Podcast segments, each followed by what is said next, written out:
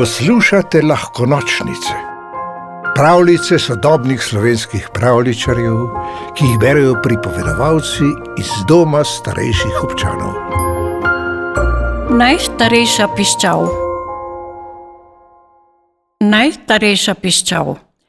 Žan se je nestrpno prisedal na avtobusnem sedežu. Z vrtcem so obiskali narodni in prirodoslovni muzej in koma je čakal, da pride domov, da bo lahko vsem povedal, kaj je videl.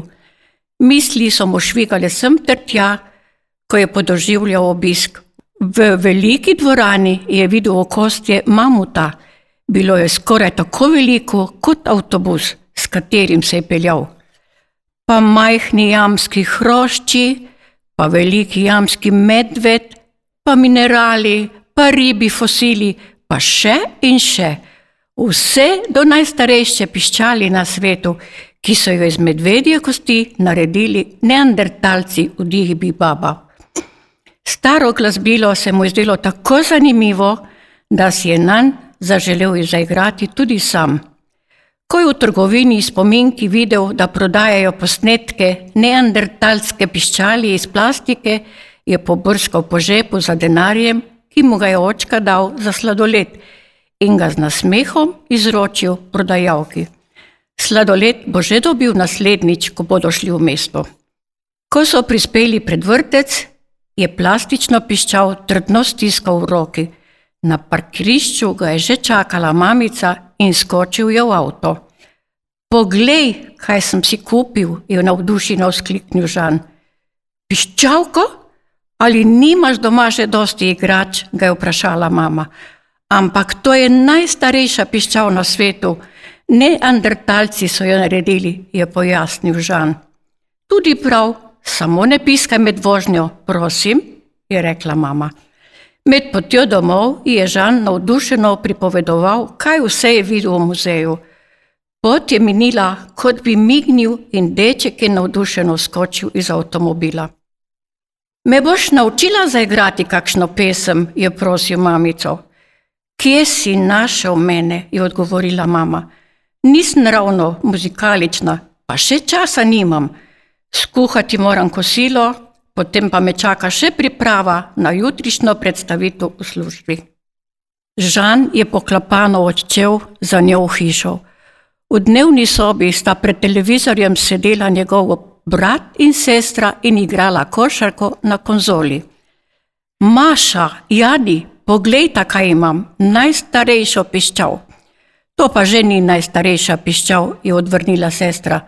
To je samo igračka, ki je podobna najstarejši piščali, je pribil brat. Saj veste, kaj sem hotel povedati, je malce žalostno izdavil Žan. Mi pokažete, kako se igra na njo? Nimava časa, je rekla Maša. Janija moram zmleti v košarki. Me boš figo, je zabrusil Jani in že sta se znova zatopila v igro. Takrat je skozi vrata stopil očka. Žan mu je plavnil objem, očka ga je dvignil v zrak in zavrtel. Kako si? Korenjak ga je vprašal, ko ga je odložil in mu zmršil lase. Kako je bilo v muzeju? Hudo, kupil sem si najstarejšo piščalko na svetu, je rekel in pod nos pomolil plastično piščal. Mi boš pokazal, kako se igra na njo? Mogoče čez vikend, je rekel očka. Danes moram pregledati še cel kup pogodb za delo. Tudi prav je žalostno potarnal Žan in sedel za mizo, na katero je mama ravno kar odložila jušnik iz katerega je zadišalo po goveji juhi. Ko so pojedli, sta se starša odpravila v kabinet k delu. Maša in Jani pa nazaj za konzolo. Žan je še nekaj časa postavil po dnevni sobi, na to pa je rekel: Grem v gost za hišo. Sprehodil se je med drevesi in sedel na štor. Gledal je piščal v roki in jo ponesel k ustom. Nežno je pihnil vanjo in izpiščali se je zvel krhek glas. Pihnil je še enkrat, to da močteje, oblil ga je veder ton. Zdelo se mu je, da so ptice za hip utihnile in prisluhnile. Kaj je ta neznani zvok? Zapiskal je še enkrat in v grmovju za hrbtom je zaslišal šuštenje. Počila je veja in nekdo je zagodrnjal. Žan je prestrašeno odskočil in se zasukal. V grmovju je opazil gmoto rjavega krzna.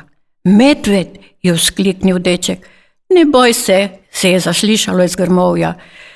Skrbljena postava se je zravnala in Žan je opazil, da je človeška. No, skoraj človeška. Bila je čokata, obraz pa se je zdel malce potlačen s širokim nosom. Izpod obokanih obrbi so van strmele temne oči. Ne vem, kdaj sem na zadnje slišal ta zvok. Možakar je stopil k Žanu, ki je napravil korak nazaj in ga oprezno motril. Smem, iztegnil je roko. Žan je boščal ven, no to pa gotovil, da možak strmi v piščal. Izročil mu jo je, ko je jo prijel v roke, mu je obraz zažarel na smehu. Ponesel jo je kustom, debeli prsti pa so lahkotno zaplesali po odprtinah, Po jasi je poletela melodija, ki je objela Žana in zdelo se mu je, da lebdi v njej. Ko je možakar odigral in predahnil, je deček navdušeno zaploskal. Me naučiš tako igrati na njo, ga je prosil. Sveda, pridi sem, je prekimal možak. Tako le jo primi, tale prst položi semle, bil je potrpežljiv, Popravljal je Žana, ko je zapiskal kak napačen ton in ga pohvalil, kadar mu je uspelo zadeti na pev. Tako sta igrala in igrala, dokler se jasa ni potopila v temo. Domov moram, je rekel Žan, hvala za vse. Ni zakaj, mu je odvrnil možakar. Lepo je slišati, da naše melodije živijo tudi v tem svetu. Na to je stopil nazaj med grmovje in med poklanjanjem vej izginil v mrak. Žan je še nekaj časa gledal za njim, na to pa stekel domov, ko je planil hišo, so že vsi sedeli za mizo. Kje si se pa ti potepal? ga je z nasmehom vprašala mama. Gozdu, ne boste mi verjeli, kaj se mi je zgodilo. Pomahal je s piščaljo in pritaknil hustom. Preden bi mu lahko kdo rekel, naj med večerjo ne piska, je kuhinjo napolnila melodija, ob kateri so vsi ustrmeli odprtih ust. Ko je zaključil, se je priklonil in vsi so mu zaploskali. Še Maša in Jani, ki sta ga vedno dražila, očka mu je zmršil lase, mama pa pritisnila poljubček na čelo. Kje si se naučil tako dobro igrati, je zanimalo očka. Si se učil s filmi na spletu, je zanimalo mami. Ja, se je nasmehnil Žan. Če bi povedal, da je v gozdu srečal pravega neandertalca, mu tako ali tako ne bi verjeli.